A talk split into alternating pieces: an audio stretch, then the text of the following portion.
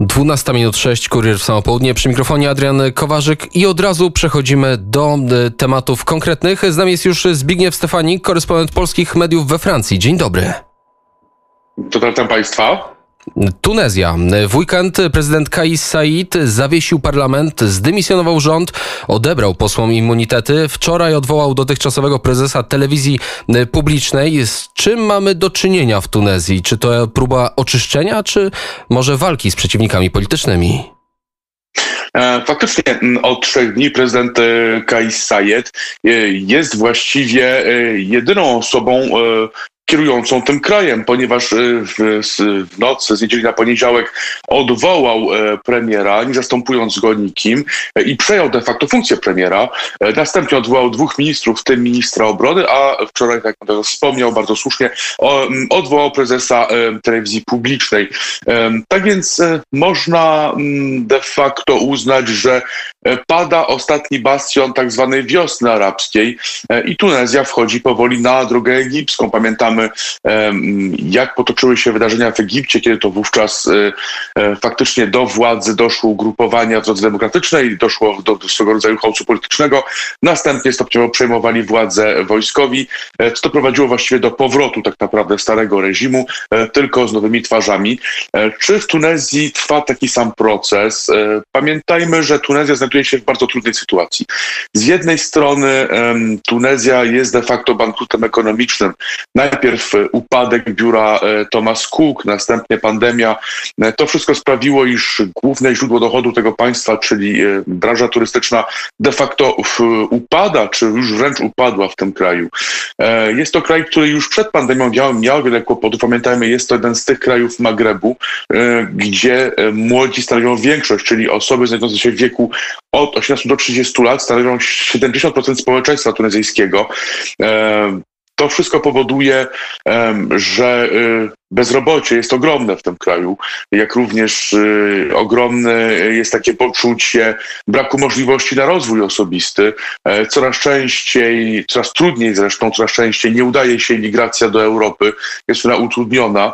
E, tak więc Tunezyjczycy y, starają się realizować swoje aspiracje w swoim kraju, co zdaje się bardzo trudne. To było trudne przed pandemią, jest to jeszcze trudniejsze obecnie.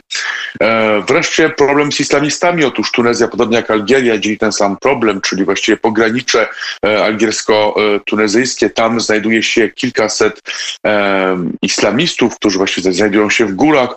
Również islamiści działają w społeczeństwie tunezyjskim w sposób dość nieskrępowany, można powiedzieć, być może wręcz e, mają oni łatwiejsze, e, większe możliwości działania niż ma to miejsce w Algierii, gdzie no, de facto rządzi wojsko i rozprawia się w sposób no, niezwykle brutalny i krwawy z islamistami. E, tam w Tunezji, no właśnie jako państwo bardziej demokratyczne, e, islamiści pod przykrywką już działalności politycznej, społecznej mogą działać e, bezpieczniej, bardziej swobodnie, e, przez to skuteczniej. Wreszcie e, sama postać Sayeda. Jest to postać bardzo tajemnicza, ponieważ w roku 2019, jeszcze w styczniu e, tamtego roku, nie było nikomu znany, a tak naprawdę jest to profesor uniwersytecki, człowiek, który nie był związany z polityką tunezyjską, nie był w ogóle związany z polityką jako taką i de facto pojawił się w sytuacji głębokiego kryzysu w Tunezji.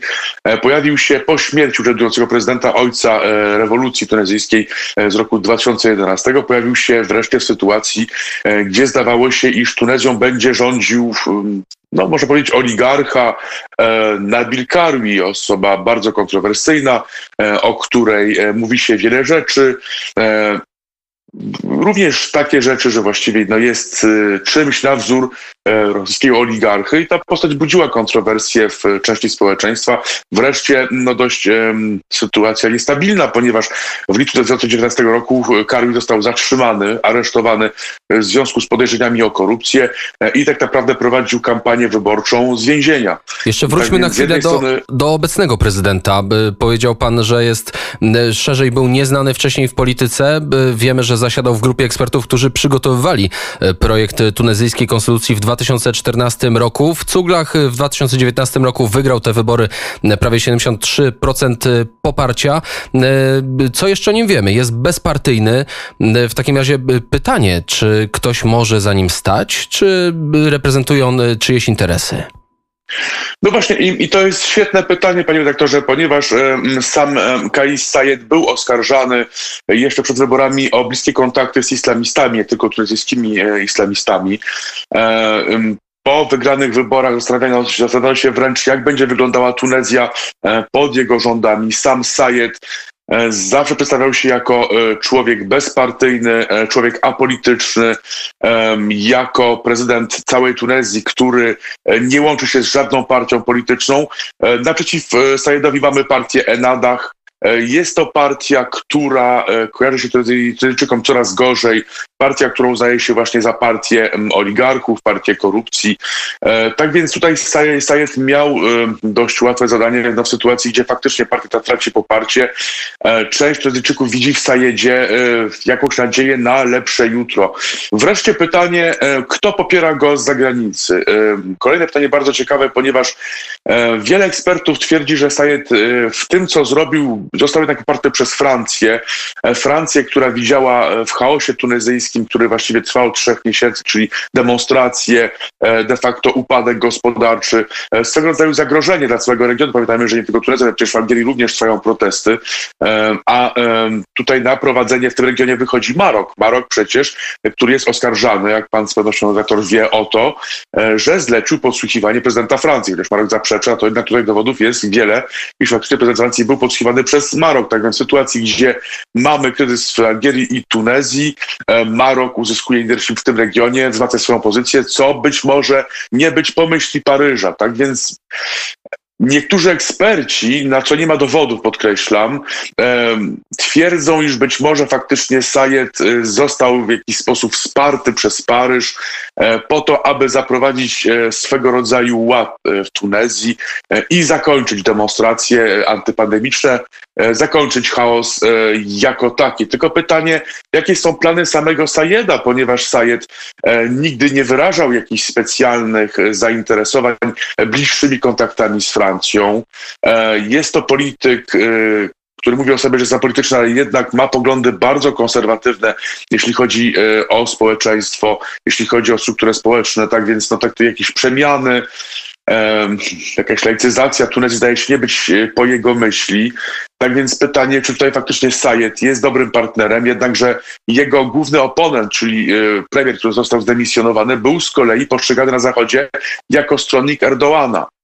E, tak więc tutaj należy również dodać e, do tego chaosu tunezyjskiego, czyli chaos spowodowany pandemią, kłopotami gospodarczymi, e, ingerencję zewnętrzną. Z jednej strony faktycznie Erdogan, i to jest zdaje się oczywiste, który próbował wpływać na politykę Enachty, który próbował zrobić z Enachty taką partię właśnie przypominającą jego partię AKP. Erdogan, który właściwie próbował ukształtować Tunezję troszkę na swój wzór, ponieważ faktycznie prezydent Turcji walczy o leadership w świecie arabskim, e, w świecie muzułmańskim, w świecie muzułmańskim, przepraszam, arabskim również, ale głównie muzułmańskim. E, z drugiej strony e, prezydent Francji również zainteresowany tym, aby Magreb był stabilny, ponieważ Magreb jest przecież istotnym partnerem gospodarczym dla Francji, ale również partnerem militarnym, chociażby w walce z terroryzmem w Sahelu. Sytuacja jest, zdaje się, e, skomplikowana, ponieważ z jednej strony prezydent podejmuje kroki absolutnie niezgodne z prawem i niekonstytucyjne. On powołuje się na e, artykuł 80 Konstytucji, która e, tutaj cytat pozwalający głowie państwa na chwilę przejąć stery władzy wykonawczej, gdy jest poważne zagrożenie. I cóż, to wszystko po konsultacjach z premierem i przewodniczącym parlamentu. Tych konsultacji nie wiem, czy do nich doszło. Fakt jest taki, że przecież tę konstytucję współtworzył sam Sayed i powiedział wyraźnie, chce ścigać polityków za korupcję, więc może to jakaś prywatna wojna, może niepotrzebnie szukamy jakiejś pomocy z zewnątrz. Jest taka możliwość? To wszystko wpisuje się w dużą politykę przez duże P międzynarodową. I tutaj, e, no, mówi pan powołując się na konstytucję, no jednak jest to e, daleko idący naciągany e, argument, ponieważ no, tutaj musiałby przedstawić jakiś, jakiś plan B, czyli jakąś mapę drogową, jak wyjść z tego stanu wyjątkowego. Pytanie również, jakie były przesłanki, ponieważ Konstytucja mówi jasno i wyraźnie, że tutaj muszą być jakieś konkretne przyczyny, które powodują odwołanie rządu. No tutaj nie było przecież ani wojny domowej, ani żadnego kryzysu, który czy upadku systemu politycznego. Tak więc tutaj jakby no, tutaj ten argument no, jest podważalny. E, Tutaj eksperci raczej mówią o działaniach pozakonstytucyjnych, no, które tak naprawdę e, idą w kierunku przejęcia pełni władzy w Tunezji. E, Pytanie, czy Sayed e, już wszedł na drogę Ben Aliego, czyli poprzednika e, rewolucji arabskiej i czy właściwie e, czeka nas w Tunezji powtórka z e, scenariuszu egipskiego. Wreszcie pytanie, co jest lepsze dla państw zachodnich? Czy państwa zachodnie preferują e, państwa arabskie e, pod reżimami wojskowymi, czy też raczej takimi właśnie dyktatorskimi, z którymi się łatwo jest porozumieć, czy faktycznie państwa zachodnie, to niejako rozczarowane rewolucją arabską, e, będą nadal dążyły do tego, aby te kraje się demokratyzowały? To jest pytanie, pamiętajmy, Tunezja była taką witryną transformacji. E, Była przedstawiona właśnie jako kraj, który e, z jednej strony jest krajem muzułmańskim, ale z drugiej strony potrafi wprowadzać zasady demokratyczne i się unowocześniać, tak społecznie jak gospodarczo. E, Wydarzenia e, zainicjowane przez Sayeda e, no, idą w kontrze do tego argumentu. Teraz pytanie, czy Sayed miał jakieś przyzwolenie zewnętrzne na te działania? Tu odpowiedzi nie znamy, jednakże no faktycznie na tym etapie, choć jest popularnym politykiem, pytanie, jakie są jego zamiary. No, jeśli odwołał premiera, no to powinien kogoś mianować na jego stanowisko. Jeśli odwołuje e, szefa e, e, telewizji, to tutaj właśnie pytanie, e, jakie są jego zamiary? Czy chodzi o to, aby właśnie przejąć pełną władzę? Jeśli na czas określony, jak mówi konstytucja, to jest on winien przedstawić jakiś plan e, na to, e, jak to będzie wyglądało dalej. Pamiętajmy, że zawiesił on działalność parlamentu na 30 dni. E, Zobaczymy, co się stanie później.